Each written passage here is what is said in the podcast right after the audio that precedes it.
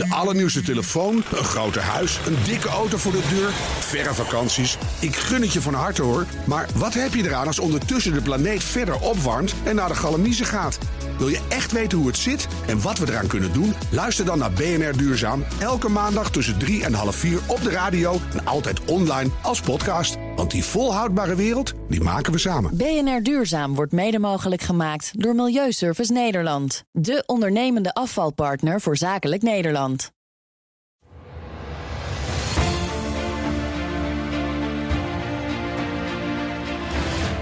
Niet alleen de klimaatdiscussie, maar ook die, eh, die gekke term schiphollen. Schiphol, hè, is dat je eigenlijk belogen wordt door de overheid. Ja, Maar je wilt mensen niet keihard raken.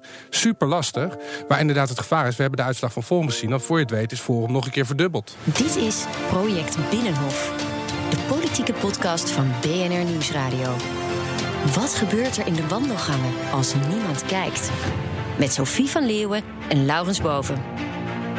De twaalfde aflevering is het alweer van BNR's project Binnenhof. De aflevering voor het meireces.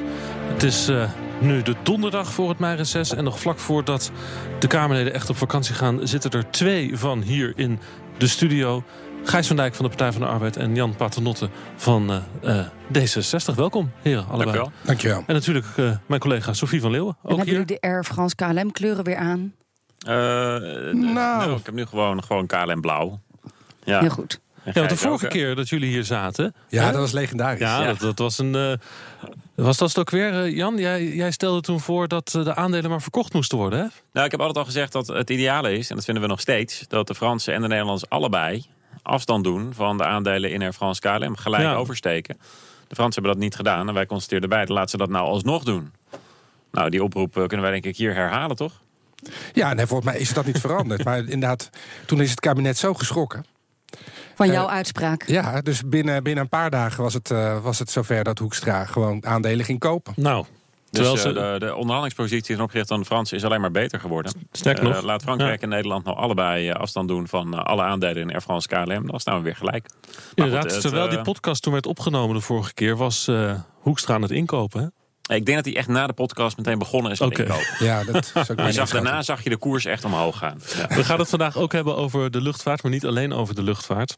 Want we gaan het eigenlijk hebben over, nou ja, waar staat het kabinet nou eigenlijk? En de luchtvaart is een groot voorbeeld daarvan, van wat hier wel en vooral ook wat er niet gebeurt. Want wat is, wat is er aan de hand? We zien een coalitie die allerlei speerpunten heeft in het regeerakkoord. Maar nog eigenlijk heel weinig hele concrete plannen heeft uitgevoerd. Elke keer als het er dan op aankomt, wordt er weer wat uitgesteld. De klimaatwet is er wel, maar het klimaatakkoord is er nog niet. Dus de inhoud van die wet, de inhoud, welke maatregelen gaan we nemen, we weten het nog niet. De pensioenen, er is nog geen pensioenakkoord. Het overleg is geklapt en we zitten te wachten. En ook vliegveld Lelystad, eigenlijk weten we nog steeds niet helemaal zeker of dat vliegveld vandaag, dit jaar, volgend jaar open gaat. Dus wanneer gaan we nou echte resultaten zien? En waarom worden er eigenlijk zo weinig echte resultaten geboekt? Even een geluidsfragment. Op deze manier zie ik, zie ik niet eh, hoe, je, hoe je Lelystad ook echt eh, tot bloei kunt laten komen. Nou, we willen eigenlijk vastleggen dat er op Lelystad Airport alleen vluchten mogen komen die verplaatst zijn vanaf Schiphol. De minister moet ergens mee komen. denk ik. Het is natuurlijk een, een tegenslag en inderdaad een teleurstelling voor mezelf dat het mislukt is. Ik heb nog steeds vertrouwen in dat we eruit kunnen komen, ja. Kater was eh, de 24 uur na het klappen van het overleg, was hij er. En als zij op een gegeven moment zeggen we doen de voorstellen later of niet, ja, dat is aan hen. Ik kan niet goed beoordelen wat, wat het kabinet aan het doen is. Eh, maar wij gaan op een gegeven moment natuurlijk wel eh, rekenen en ook zelf eh, voorstellen bedenken. Ja, zomaar even wat politici, coalitie, oppositiemensen die eigenlijk wachten op besluiten van het kabinet. Jan, ja, eh, welkom bij deze podcast. Ik hoop dat je het nog leuk vindt. Dankjewel. Ja, nou, maar laten, gesprek. laten we wel ook even de dingen benoemen. Want eh, u zegt inderdaad de klimaatwet. Maar eh, ook het sluiten van de eerste kolencentrale in Nederland. Kijk, Jelle, wat je nog niet aan het woord laat is bijvoorbeeld een, een Thierry Baudet. Die vindt dat het allemaal veel te hard gaat. En dat Nederland als een soort, soort gekkie in Europa bezig is om voorop te lopen met klimaatbeleid. Nou, dat is de andere kant van het verhaal natuurlijk. Ja, er zijn ook wel echt, dat heb je allemaal gelijk. En er zijn een paar wetten wel ook aangenomen inmiddels door de Eerste en de Tweede Kamer. En vijf in totaal. De, even kijken. De referendumwet is ingetrokken. Er is een wet over de gaswet aangenomen. Eh, de wet Hille is afgeschaft. Ehm, er is een eh, Verbod op kolen. verbod op kolen. Is, er, is dat al door de Eerste Kamer? Dat uh, gaat snel door de Eerste Kamer. Ja, is alleen Tweede Kamer. De maatwet ligt nu ook bij de Eerste Kamer. Collegegeld is gehalveerd. Dat is inderdaad ook door de Eerste Kamer heen. Dat is ook goed nieuws. Dat is ook goed nieuws. En er is iets gebeurd met de heffingsvrije voet in het, bij de vermogensbelasting. Maar ja, dat regeerakkoord was heel ambitieus. Heb ja, je het gevoel dat er, dat er genoeg gebeurt? Nou, ik heb het gevoel dat er heel hard wordt gewerkt om uh, de komende maanden inderdaad een aantal stevige stappen te zetten. Maar wat je ook in Nederland nodig hebt, we hebben natuurlijk een coalitie met 76 zetels, is echt wel dat er meer partijen zeggen: oké, wij willen uh, doorbraken forceren, we willen met elkaar problemen oplossen. We gaan niet alleen op ons eigen eilandje blijven zitten. Dat was een probleem bij de formatie. Toen uh, eigenlijk SP, GroenLinks, iedereen werd uitgenodigd om aan tafel te komen. Uh, de een wilde überhaupt niet aan tafel, de ander liep er een paar keer van weg. Mm -hmm. En dat zie je natuurlijk ook bij die akkoorden die je sluit. Niet alleen uh, met de Tweede Kamer, maar ook met de maatschappij, met vakbonden, met uh, werkgevers. Oké, dat zijn akkoorden. Maar... En, en ik zou wel een oproep willen doen aan al dat soort partijen om te zeggen: laten we nou in Nederland, we hebben een hele mooie traditie. Mm -hmm. Dat we samen stappen zetten, dat we hier niet de hele tijd op het Malieveld staan. Maar dat we met elkaar ervoor zorgen dat pensioenen niet gekort hoeven te worden dat we Nederland weer klaarmaken voor de toekomst. Gijs van Dijk, uh, jij, bent, ja, jij bent bij de oppositie. Um, hoe kijk jij naar dit, uh, dit kabinet? Want ik hoor het bij, in de wandelgangen van de Partij van de Arbeid heel vaak. Dat ze eigenlijk zeggen van, er gebeurt helemaal niks. Ja, maar dat, ik denk dat je gelijk hebt. Nou, kijk, natuurlijk gebeuren er wel een aantal dingen. Maar er zijn twee grote hervormingen terecht aangekondigd. De pensioenen, uh, het pensioenstelsel en de AW moet echt anders. En inderdaad, het klimaat is een enorme opgave. Dat is eigenlijk voor dit kabinet zijn er twee grote brokstukken. Uh, los van een aantal andere zaken. Kijk, luchtvaart is ook belangrijk, is ook onderdeel van klimaat. Maar dit zijn wel de twee grote hervormingen die zouden moeten plaatsvinden. Uh, ik zit zelf natuurlijk heel dicht op die pensioenonderhandelingen. En wat me opvalt is dat er aan alle kanten wel wil is. Uh, maar dat er vooral in het kabinet moet worden gekeken: willen we het echt laten slagen? Zo'n grote hervorming, en dat geldt denk ik net zo goed voor klimaat. Dan moeten we komen met politieke wil en dan moet je ook willen dealen. Maar moet je ook gewoon komen, zo plat is het ook, met geld. Mhm. Je moet komen met flink budget. En dan niet alleen, in dit geval als je naar pensioenen kijkt... dat Koolmees eigenlijk alleen op pad wordt gestuurd. Je mag een deal sluiten, maar hey, let op... het komt allemaal alleen uit jouw begroting. Ja, dan begrijp ik Koolmees ook heel goed... dat hij uiteindelijk niet dat geweldige akkoord kan sluiten... want daar is iets extra's voor nodig. Dus we zijn in deze- we zijn in de- natuurlijk van- we kunt natuurlijk zeggen van dingen moeten sneller, maar het gebeurt ook best wel vaak. Eh, de heer Gijs van Dijk is daar zelf ook onderdeel van. De wet arbeidsmarkt en balans bijvoorbeeld, die ligt inmiddels dan bij de Eerste Kamer. Maar toen hij in de Tweede Kamer lag, toen wilde de PvdA eigenlijk dat er nog helemaal niet over gestemd werd. Dat er nog wat extra rondes met extra vragen en extra hoorzittingen en dergelijke kwamen. Dus het is vaak ook zo dat als je de democratie zijn werk wil laten doen... Mhm. en de oppositie ook kans wil geven, dat dingen dan soms net iets langer duren. We zijn in deze podcast altijd op zoek naar niet zozeer de formele, officiële antwoorden over wat er wel en niet gebeurt en waarom het niet gebeurt, maar vooral het, het verhaal erachter. En dan, dan valt het toch op dat op momenten dat het kabinet op het punt staat om een groot besluit te nemen, je eigenlijk verdeeldheid ziet binnen de coalitie. Eh, het voorbeeld daarvan is bijvoorbeeld de luchtvaart. Er is in de coalitie grote verdeeldheid over de toekomst van de luchtvaart. Zodra Lelystad dan de klap moet worden gegeven, gaat Lelystad open, ja of nee? Dan zie je dat D66 en de ChristenUnie eigenlijk zich ja, eh, de- duidelijk van mening verschillen van de VVD en CDA. En dan komt er geen besluit. Dus, dus wat, wat, wat, is daar, wat gebeurt daar? Je kijkt heel bedenkelijk. Nou, omdat ik eh, bij Leestad Airport heb gezien dat het CDA eh, misschien nog wel het duidelijkst eigenlijk van alle partijen eh, heeft gezegd. We, hechten, helden, we leggen allemaal voorwaarden op bij. Lelystad Airport. In het algemeen, als je kijkt naar de luchtvaart. Zijn jullie bang om besluiten te nemen, om knopen door te hakken? nee, absoluut niet. Nee. Alleen, we zijn op de luchtvaart wel kritisch over toekomstige groei. Zeg niet dat we per se tegen zijn, maar er moet wel aan voorwaarden worden voldaan. We zijn niet voor niets met elkaar bezig met een klimaatwet en een klimaatakkoord. Steeds meer Nederlanders hebben echt, dat zijn de omwonenden van de luchthavens, eh, last ervan. In de zin dat ze er ook van wakker liggen, gezondheidsklachten ervaren. Ja, daar moet je wel echt goed rekening mee houden. Je kunt niet zeggen van eh, alleen maar om daadkrachtig te zijn, willen we nu zo snel mogelijk gaan groeien. Zo werkt het wat ons betreft niet. Dus bijvoorbeeld bij die, eh, die luchthaven die je net noemt, hebben we toch een aantal duidelijke voorwaarden gesteld. Want luchtvaart is belangrijk voor de Nederlandse economie, maar klimaat, eh, de bewoners, eh, dat zijn echt wel factoren die, eh, die nu serieus meegewogen moeten gaan worden. Dat is Maar anders hoe gaat die discussie dan nu binnen jouw partij D66? Dus je hebt natuurlijk de klimaatdrammers. Die zijn heel duidelijk over wat we willen met Nederland in de toekomst. En dat we groener willen zijn, et cetera. En dan heb je die luchthaven die moet groeien. Dat staat haaks op elkaar. Hoe vindt die discussie dan plaats op dit moment? Ja, kijk, D66'ers zijn niet eh, principieel tegen vliegen. Hè? Ik bedoel, uiteindelijk moet je daarvoor bij, eh, bij andere partijen zijn. We zijn ook heel realistisch dat wij in Nederland zullen blijven vliegen. De luchtvaart is ook voor Nederland belangrijk voor onze economie. Er komen echt veel hoofdkantoren, maar ook bijvoorbeeld het Europees Medicijnagentschap naar Amsterdam met duizenden banen. Omdat wij die hub Schiphol hebben. Ja, maar de Alleen bewoners... vliegen is wel veel te goedkoop. Ja. Eh, Maar- maar er mensen wordt begrijpen namelijk geen eerlijke prijs betaald voor vliegen. Eh, bewoners liggen inderdaad, omdat de afgelopen jaar de luchtvaart zo enorm hard is gegroeid, te veel stil. Dus daarom zeggen wij, oké, die luchtvaart is wel belangrijk, maar het zal wel anders moeten. Groener. Eh, we zullen veel schonere brandstoffen moeten hebben. Het moet veel stiller. En je kunt ook niet meer zo blijven groeien als de afgelopen jaren. Er moeten grenzen aan die groei zitten. Nee, je hebt gewoon afgesproken in het regeerakkoord dat er groei En komt. ja, je kunt zeggen van eh, daadkracht, maar bijvoorbeeld Eindhoven Airport, daarvan hebben wij gezegd, maar ook het CDA en de ChristenUnie. Als we kijken naar Eindhoven Airport, hartstikke mooi dat we daar vakantie kunnen. Maar voor de Nederlandse economie is dat niet essentieel. Bewoners hebben er steeds meer last van. Laten we daar even een time-out in bouwen en de komende jaren stoppen met groeien. Nou, vandaag is er een advies van Pieter van Geel, eh, die daar, eh, oud-staatssecretaris, die daar bij Eindhoven Airport onderzoek naar heeft gedaan. En die zegt exact hetzelfde. Dus eh, wat dat betreft volgens mij een volgende stap naar een besluit om bij Eindhoven even die time-out in te zetten. De komende jaren niet te groeien. Vind ik een mooi resultaat. Want het pad was namelijk dat Eindhoven Airport zelf zei, we willen juist wel doorgaan. Terwijl Eindhoven voor de hub Schiphol eigenlijk niks betekent. Dat is ook onderzocht. Er zit geen enkele wisselwerking. Het is een mooie vakantieluchthaven. Maar gewoon niet essentieel voor de economie. Dus dat is zo'n plek waar we even een grens aan die groei Een stellen. time-out out in Eindhoven. Maar, maar ook, want als jullie gewoon met z'n allen blijven doorruziën... dan wordt het gewoon ook een time-out voor Schiphol en, en voor Lelystad. Dat is, is dat jullie strategie? Dat je gewoon een time-out doet tijdens dit kabinet? Nou, nee, volgens mij eh, zijn voor alles gewoon eh, tijdpaden afgesproken wanneer we bepaalde besluiten nemen. En dat is bij de luchtvaart. Enorm veel belangen zitten eraan vast. Er worden gewoon heel gedegen onderzoeken gedaan. Eh, eh, moet er soms nog zelfs naar de Europese Commissie gegaan worden. Ja, eh, dus dan besluit je erover wanneer dat in de planning eh, staat. Nou, eh, wacht even, dan heb ik een voorbeeld van wat er in de week voor het meireces ook gebeurde. Toen was er een debat over de luchtvaart. En dan ging het eigenlijk eh, eh, zat, zit iedereen te wachten op het besluit van wat gebeurt er nou met de groei van Schiphol.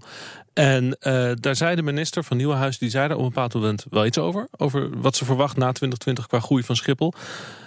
Maar die ging opeens het woord interimperiode inbrengen in het debat. Het zal natuurlijk tijd kosten om die aanpak voor de lange termijn volledig uit te werken en te implementeren. Dus ik zie dat we voor Schiphol na 2020 een, uh, een interimperiode zullen krijgen van, uh, van enkele jaren. En ik ben ook nu aan het uitwerken hoe dat vorm uh, kan krijgen. Gijs van Dijk van de ja. Partij van de Arbeid. Um, in interimperiode, terwijl we eigenlijk wachten op een besluit over de groei van Schiphol. Jouw blik van buiten op deze coalitie?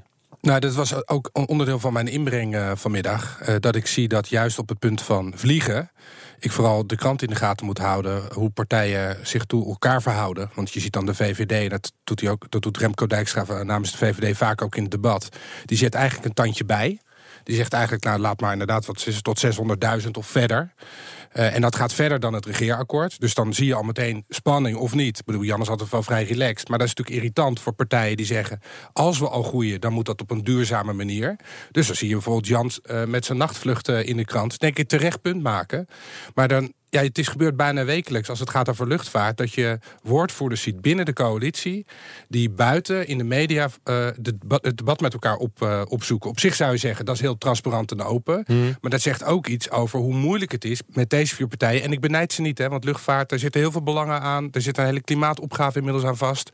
Maar dat het ook niet verstandig is om voortdurend elkaar buiten op te zoeken. Ja. En dan zie je wel verschil. Dat buiten via de media dus doet. En, en, en dat het in de, de coalitie eigenlijk niet lukt om daar goed gesprek over te ja, hebben. Volgens mij juist wel. Kijk, wij zeggen gewoon soms inderdaad wel wat we vinden. Dat doet Remco Dijkstra. En het is heel duidelijk, elk vliegtuig erbij is voor hem reden voor champagne. Uh, dat is helemaal waar. Nou, dat weten mensen dan ook van de VVD. En van mij weten ze dat wij willen dat het duurzamer wordt. En bijvoorbeeld dat we naar minder nachtvluchten krijgen. Daarom heb ik eerder gezegd, die luchthavengelden voor de meest vieze toestellen op Schiphol, de grootste herriebakken, moeten omhoog. Nou, ja, Oké, okay, maar dan zitten jullie dus... Dat gebeurt dus een, nu ook. Eindhoven, dus, hetzelfde, dus een, en dat zit nu ook op de goede koers. We, we hebben wat dat betreft ook gekeken naar de afgelopen jaren... hebben PvdA en VVD met elkaar uh, bestuurd. En nou ja, uh, op sommige momenten leek dat iets te veel... alsof die twee partijen, die echt totaal anders zijn... Uh, ja, toch met elkaar ja, bijna getrouwd exact. waren. Precies mijn punt. Nou, jullie zijn dus allemaal aan het profileren. is geen huwelijk, hè? Ja, jullie zijn allemaal aan het profileren... Um, met plannen in de media... Maar ondertussen hoor ik dus de minister het opeens hebben over een interimperiode. Dat klinkt niet als een nemen van een besluit. Dus waar blijven dan de besluiten klinkt, als je aan het profileren bent? Uh, ik hoorde die term ook voor het eerst en dat klinkt inderdaad niet uh, als een, uh, een duidelijk besluit voor de lange termijn. Maar ik weet eerlijk gezegd niet wat de minister daar precies mee bedoelt. In alle eerlijkheid weet ze dat zelf ook nog niet helemaal. Want dat gaat ze in een brief nog uitleggen die ze voor de zomer gaat sturen wat ze met een interimperiode bedoelt. Maar het punt is, jullie de zitten, brievenbus in de gaten houden. jullie zitten, jullie zijn allemaal aan het profileren. Dat zegt ook dat is een verschil met het vorige kabinet. Bewuste keuze om dat ook zo te doen. Maar heb je dan nog wel een kabinet wat ook besluiten kan nemen? Jazeker. Ja, nou, ik noemde net een paar voorbeelden waarbij wij inderdaad zeggen wat we vinden. VVD dat ook doet, ChristenUnie dat ook vaak doet. En vervolgens met elkaar daar ook besluiten over neemt. Klimaat is denk ik ook een voorbeeld. Klaas Dijkhoff heeft dan wel gezegd... Rob Jette is een klimaatdrammer. Nou, dat eh, viel wel even op bij ons. En dat Eh, hij die liever zaken doet met Forum voor Democratie dan met GroenLinks. Nou, dat was volgens mij die van afgelopen week. Hè. Die, eh, die hadden we ook nog niet gehoord. Ehm, maar goed, eh, klimaatrammer. Maar vervolgens konden we wel, eh, nadat de doorberekening van het planbureau er waren aangegeven... deze volgende stappen gaan we zetten Ja. in dat klimaatakkoord samen met de VVD. Maar hebben Ja, jullie inmiddels een Dat vinden wij, wij methode- prima, want het gaat ons om de resultaten. Hebben jullie inmiddels een methode afgesproken met z'n vieren over hoe je omgaat met de proefballonnetjes van Dijkhoff en de, en de wens om te profileren? Want De vorige keer was het bijna een crisis. Eh, met de proefballonnen van Dijkhoff of daar een eh, gezamenlijk... eh, volgens mij is daar niet, voor zover ik weet... is er geen eh, handboek voor de, de proefballon van Klaas Dijkhoff afgesproken nog. Hoe, gaan jullie, hoe doen jullie dat bij D66? Want jullie zien dat verschijnen in de krant of op Jullie de radio. denken, oh, willen wij wel zaken doen met F-Forum als het gaat om hè, luchtvaart, klimaat? Dat, dat moet bij jullie ook een bepaald effect oproepen. Nou ja, kijk, als, eh, als de VVD zegt... we werken liever samen met Forum dan met eh, GroenLinks... Eh, ja, natuurlijk kijken wij daar inderdaad totaal anders tegenaan. Dat zie je nu ook in de provincies waar onderhandeld wordt tussen verschillende coalities. De VVD zegt op heel veel plekken inderdaad dat ze best met Forum willen gaan besturen. Mhm. Maar ja, het is ook een andere partij. En aan, aan onze kant moeten wij natuurlijk ook ervoor zorgen dat we GroenLinks een keer kunnen overtuigen. Om een keer verantwoordelijkheid te nemen. Want dat zou natuurlijk een enorm verschil maken. GroenLinks viert dit jaar zijn dertigste verjaardag, maar heeft nog nooit geregeerd. Nou, de Partij van de Arbeid heeft natuurlijk Nederland voor het grootste deel van de tijd wel geregeerd. Dus daar heb ik geen twijfels dat die partij verantwoordelijkheid wil nemen. Maar wij willen ook graag GroenLinks in een positie krijgen dat ze een keer meedoen. Ja, maar wil de VVD dat wel? Dat is een beetje de vraag.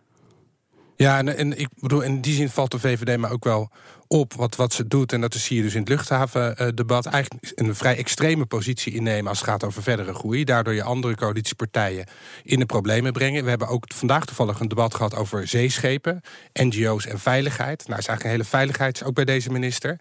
Nou, daar gaat het ook echt heel stevig vanuit de VVD. Dat zelfs een NGO die normaal gesproken op de Middellandse Zee mensen eh, uit het water haalt, dat die eh, meewerken aan mensensmokkel. Dus wordt het helemaal in de migratie getrokken. Daarmee ook de andere coalitiepartijen, op de, met name aan de progressieve kant, in de problemen eh, te brengen. Dus ik vind wel dat de VVD moet oppassen. Want ze zijn toch ook de grootste binnen de coalitie. Ze voor de derde keer de premier. eh, dat ze hun hand niet overspelen. En uiteindelijk ook gewoon de co- coalitie daarmee opblazen. Want dat kan je wel doen. En ik ben het met je eens. hè, Dat was vorige periode te veel samen. Dat is ook onze analyse geweest. Je mag je best profileren, maar je hebt ook je verantwoordelijkheid.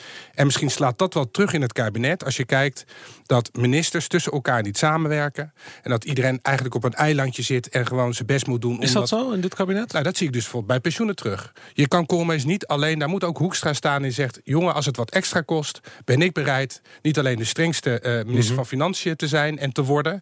maar je ook te helpen aan je pensioenhervorming. En daar zie je ambities langs elkaar heen strijken... terwijl een kabinet als geheel verantwoordelijkheid zou moeten nemen... zegt we gaan een paar dingen doen. Het kabinet zegt we altijd, de- coalitie zegt altijd, in het kabinet werken wij goed samen. In het kabinet zijn wij één team. Dan kan het wel zijn dat onze kamerfracties elkaar de tent uitvechten. Maar in het kabinet zijn we collegiaal.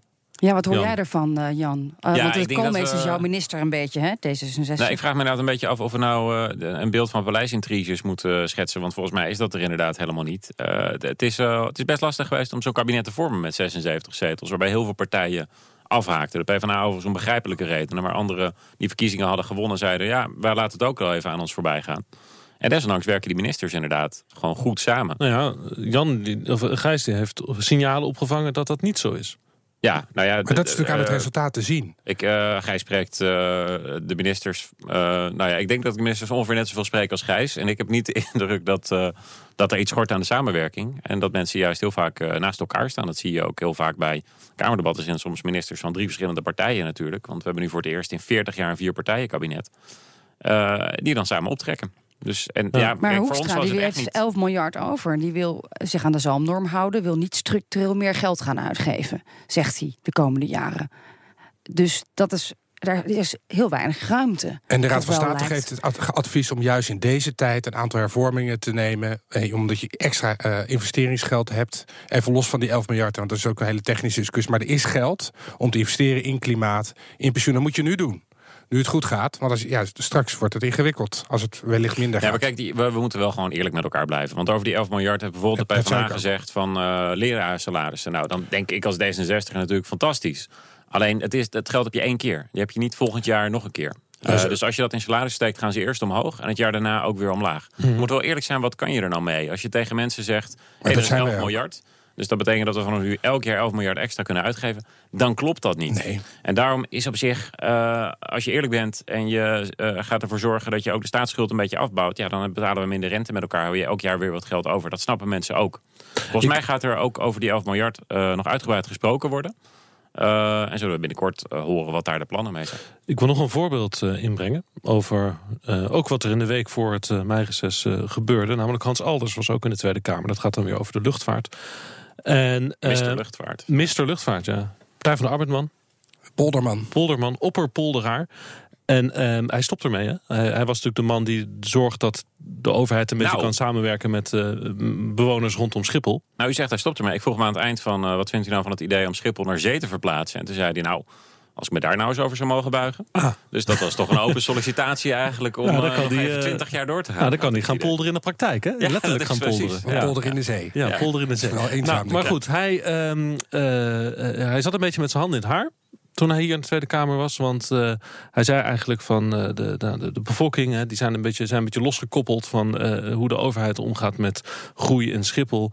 En ehm, hij geeft het eigenlijk een beetje op. Hij zegt van de, de, ik ben het, de grenzen van het polderen zijn bereikt. De politiek moet heel duidelijk nu eerst eens eventjes zeggen wat ze zelf gaan willen. De politiek moet besluiten gaan nemen.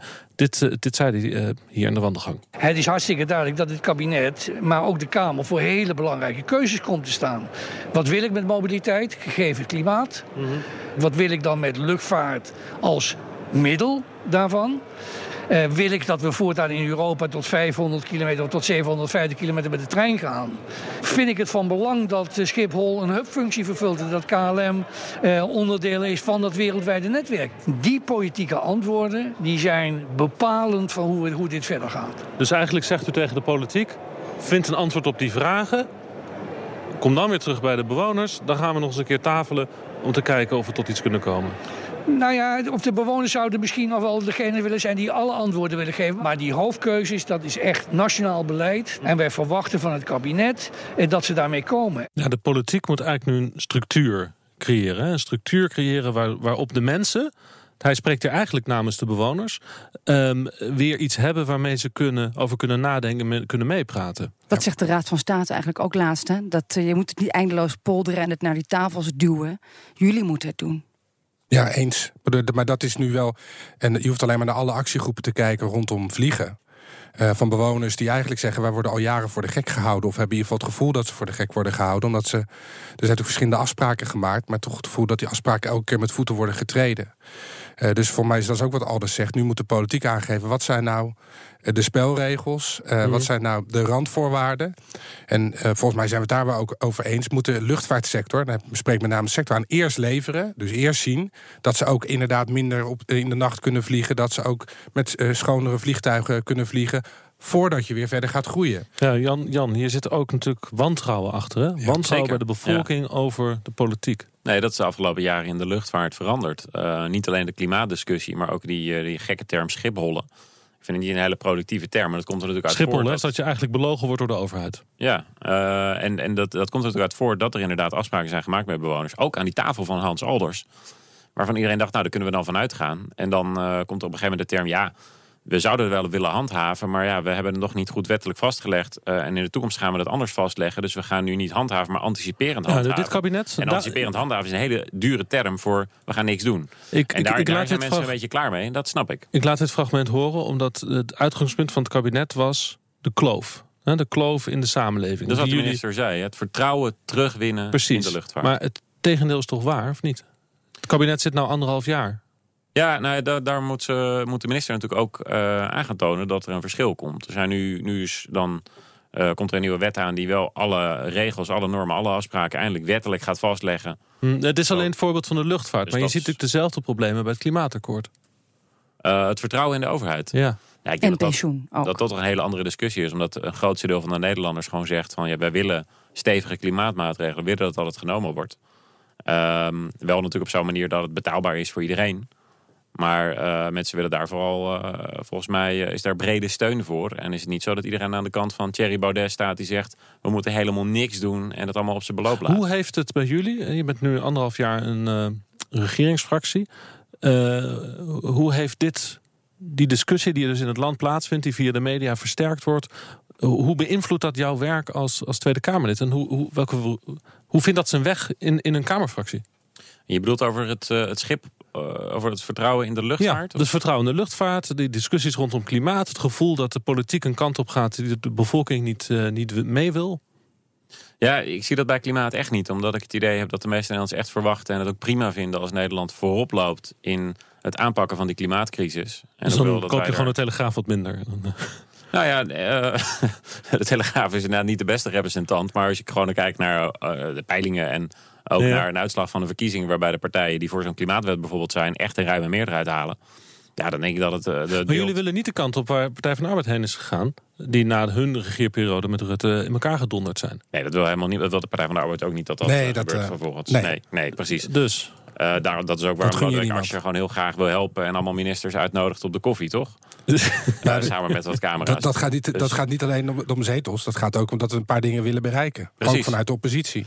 Maar over dat, uh, ten aanzien van de luchtvaart... en hoe mensen daar tegenaan kijken... ja, dan denk ik dat het een hele dure plicht is om te zorgen... Uh, dat mensen in ieder geval het vertrouwen te gewinnen... en zien dat wat er beloofd wordt, dat wordt nagekomen. Dus dat deel ik heel nee, erg. Dat, dat weet ik, maar mijn vraag was dat hoe, dat, hoe, dat, hoe dat hier op jullie kamer... in jullie fractiekamers een rol krijgt. De frustratie van buiten. Bespreken jullie dat? En zijn jullie daarvan bewust als jullie je debatten ingaan? We zijn ons daar heel goed van bewust. Omdat je, uh, als je een debat over iets belangrijks doet... dan wil je weten uh, wie de mensen zijn uh, die, het, die het aangaat. En wie het raakt. En wie er echt mee te maken krijgen. En hoe doe je dat? Maar ja, dat is, nou, dat is heel simpel. Gewoon er naartoe. Ik moet wel zeggen dat het ietsje lastiger is als Kamerlid. Ik was vroeger gemeenteraadslid. Dan kon ik op de fiets stappen en ergens naartoe als ik gebeld werd. Nou, hier zit je gewoon dagenlang vast en dan kan er zomaar een bel gaan. Dat kan zelfs zo meteen weer gebeuren voor een, voor een stemming. Dan moeten wij meteen hier wegrennen. Maar uh, je, hebt, je hebt echt wel genoeg tijd hier. Hier in de studio hoor je hem niet trouwens. Uh, oh, dat is goed om te weten. Dan heel goed om te weten. Ik even vraag aan Gijs of die dat Misschien wil je de deur even openzetten, ja. dan horen we hem wel. De deur open. Ja, voordat er allemaal besluiten worden genomen in de Tweede Kamer... waar D66 en de PvdA het niet mee eens zijn. dat, moeten we, niet hebben. Ja, uh, ja dus je, dan moet je er gewoon naartoe. Maar dat, uh, ja, dat is voor mij vanzelfsprekend. Ja. Daar heb je het meireces voor, toch? Dan ga je nu het, het land in met z'n allen om uh, daar een beeld van te krijgen. Van die, ja, ik, ik ga burger die denkt dat jullie aan het Schiphollen zijn. Gaat het meireces toevallig zelf niet uh, op vakantie. Maar we hebben ook binnenkort weer uh, Europese verkiezingen. Dus ik ga sowieso al veel het land in. Vind je een moeilijke vraag? Ik zie dat je er een beetje mee worstelt. Nee, nou ja, omdat je uh, de vraag te stellen van wat doe je daar als Kamerlid mee en dan speelt het op je bureden. Maar ja, uh, volgens mij is het heel vanzelfsprekend wat een Kamerlid moet doen. Je moet weten waar hij het over heeft. Je moet weten over welke mensen het gaat. En zorgen dat je uh, niet daar ja, vanuit die kaastop zelf gaat bedenken wat je goed vindt. maar dat je echt precies weet wat besluiten die we hier nemen doet met mensen. Maar ja, dat is, dat is ook wel hoe ik zelf überhaupt uh, in de politiek ben beland. Omdat bij mij aan de keukentafel werd gesproken over mijn uh, broer die lichtverstandig gehandicapt is. En alle therapieën, medicatie die er beschikbaar was. En hoe je dat hier aan beïnvloeden was. Dat was mijn moeder dan aan het doen. Dus ik kom verder niet uit een politieke familie. Dat was de kant die ik altijd heb meegekregen. Dus mm. daar denk ik ook altijd aan terug. Als we hier dat soort ingewikkelde discussies voeren. Bijvoorbeeld over vaccinaties. Maar de kiezer is meedogenloos hè, tegenwoordig. Dat is ook de les natuurlijk van de Partij van de Arbeid. Het ging, het ging ook in dat luchtvaartdebat over de laagvliegroutes rondom uh, vliegveld Lelystad. En dan belooft de minister dat er één jaar maximaal laag gevlogen wordt en daarna hoog. Nou, je zag in het debat al wel dat uh, vanuit de oppositie niemand gelooft het. En waarschijnlijk geloven heel veel mensen die daar wonen dat eigenlijk ook niet als de minister dat zegt. Maar dat komt vanwege de ervaring uit het verleden. Ja. Uh, en, en daar moet je dat ook echt anders, anders gaan, uh, gaan doen. Ik wil nog even een link maken naar, naar de vraag over de, de klimaatopgave. Uh, daar wordt natuurlijk wel de grote test, denk ik wel, voor in ieder geval progressieve partijen die aan, echt vinden dat, dat we dit moeten aanpakken. Uh, en trouwens, denk ik ook wel voor de middenpartijen. Om ervoor te zorgen dat die forumkiezers, heel veel jonge mensen. Uh, uh, dat die niet gaan meelopen in dat klimaatontkenningsverhaal. Dus daar luistert het heel nauw om en zeg maar wel die stappen vooruit te maken, maar iedereen mee te nemen. En daarom is hij denk ik wel zo spannend en duurt hij zo lang. Want wij zitten natuurlijk ook te kijken, kost het banen en op wat voor manier kost het dan banen? En dat is het gesprek dat wij ook wel voeren. Want ja, we willen dat klimaat aanpakken. En dat is het een, voor mij breed in de samenleving. Maar je wilt mensen niet keihard raken. Super lastig. Maar inderdaad, het gevaar is, we hebben de uitslag van Forum gezien. Dat voor je het weet is Forum nog een keer verdubbeld. Uh, omdat hij juist dat, zeg maar, de andere uh, emotie aanspreekt. Namelijk, er is helemaal geen klimaatprobleem. Uh, en Baudet is best wel een, een, een, een, een, gekke vogel, maar daarom stemmen we op hem. Maar hoe langer het kabinet treuzelt, hoe meer ruimte er komt voor allerlei andere scenario's, theorieën, onzekerheid. Dus nu, na het ja, maar dat vind ik ook wel echt een verantwoordelijkheid voor de media om dat onderuit te halen. Want uh, Baudet heeft natuurlijk zo vaak op podia gezeten waar hij kon zeggen: het kost allemaal duizend miljard. Uh, en uh, het is niet zozeer dat dat niet waar is. Er is helemaal niets van waar. Het is totale onzin. Maar hij heeft heel vaak dat gewoon uitgebreid kunnen zeggen. Ja, dat, moet ook wel wat dat betreft kritisch bevraagd worden. Want als mensen serieus het beeld krijgen dat je straks geen gehaktballen meer mag eten. Dat soort dingen hebben ook in. Of, uh, of niet meer mag barbecuen. Of niet meer mag barbecuen. Wat totale flauwekul is. Ja, dan gaan er sommige mensen zullen dan echt daardoor het gevoel krijgen van... hé, hey, het gaat helemaal verkeerd met die klimaatdiscussie. Als het, uh, maar dat was maar een minderheid, zei je net. Een kleine minderheid. Ja, gelukkig nog wel, inderdaad. Ja. ja. Maar dat is uh, gelukkig nog wel. Maar als dit, uh, als dit breder post valt, dan hebben we natuurlijk een probleem. In Amerika heeft dat bijvoorbeeld het, alleen al de term klimaatverandering zijn we gaan gebruiken. Maar uh, die term is ontwikkeld onder meer door de fossiele industrie om te zeggen: ja, je kunt het ook hebben over de klimaatcrisis. het is wel echt een crisis. En dat weet eigenlijk ook iedereen die in oktober en in februari op het strand zit, in 20 graden in de zon. Ja. En denkt: hé, hey, dit was vroeger in Nederland niet zo. Nou. Maar hoe lang gaat die onzekerheid nog duren dan? Denk jij? Welke Over het klimaatbeleid. Nou, de, volgens mij is duidelijk dat, er, uh, dat voor de zomer definitief moet worden. Dat we steeds nieuwe stappen zullen zien. De aankondiging van de eerste codecentrale die gaat sluiten. Klimaatwet die nu bij de Eerste Kamer ligt. Hmm. Je zult elke week wel iets horen over klimaatbeleid. En uh, ziet elke ook, week... Je ziet ook uitstel en uitstel. CO2-heffing is zo uitgesteld, toch? Althans, de, de ja. definitieve doorrekening. Agenda-berekeningen, de agendamaatregelen zijn uitgesteld. Ja, en voor de zomer uh, zal dat toch allemaal zijn beslag gaan, uh, gaan krijgen. Dat, uh, dat moet ook. Ja, um, ja uh, sluiting codecentrale, klimaatwet, verbod op code. Uh, er zijn een hele serie uh, wetten, maatregelen die daaraan zullen blijven komen. Dat, en dat rolt ja. nog wel even door. Ondertussen, heren, is het al zomer. Dankzij misschien wel de klimaatverandering. Het meireces begint, maar het is eigenlijk een heel zomerse meivakantie. Um, ik wens jullie een hele fijne vakantie. Dank. Voor zover het vakantie is natuurlijk. Uh, ons kan je vinden op uh, de socials natuurlijk. Twitter, BNR Politiek. De mail doet het altijd, denhaag.bnr.nl. Ook in de meivakantie. En via Instagram op BNR Project Binnenhof. Sophie, jij ook een uh, prettige vakantie?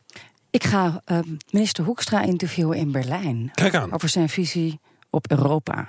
Ja. Je, gaat, je gaat, naar Berlijn om een Nederlandse minister te interviewen? Ik ga op vakantie naar Berlijn en toen bleek uh, mijn minister daar ook rond te hangen. Dus uh, ja, Hoe ga, je naar ga ik toch maar weer aan het werk. Ik hoop met de ICE. Oké. Okay. Ik heb nog niks geboekt, maar. Uh, ja, je hebt nog 19 stoppen. geen tijd voor gehad. Er moet nog wat aan gebeuren. Wat zeg je? Je hebt nog, nog 19 keer stoppen met de trein naar Berlijn, maar er moet nog wat aan gebeuren. Doe daar wat aan. Politiek. Toeval wil dat de hele BNR-redactie naar Berlijn op vakantie gaat, want ik ben de andere week van het reces in uh, Berlijn. Mijn oude stad. Ik heb nog een koffer.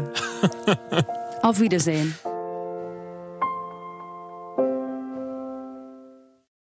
De allernieuwste telefoon, een grote huis, een dikke auto voor de deur, verre vakanties. Ik gun het je van harte hoor. Maar wat heb je eraan als ondertussen de planeet verder opwarmt en naar de galamiezen gaat? Wil je echt weten hoe het zit en wat we eraan kunnen doen? Luister dan naar BNR Duurzaam. Elke maandag tussen 3 en half 4 op de radio en altijd online als podcast. Want die volhoudbare wereld, die maken we samen. BNR Duurzaam wordt mede mogelijk gemaakt door Milieuservice Nederland. De ondernemende afvalpartner voor zakelijk Nederland.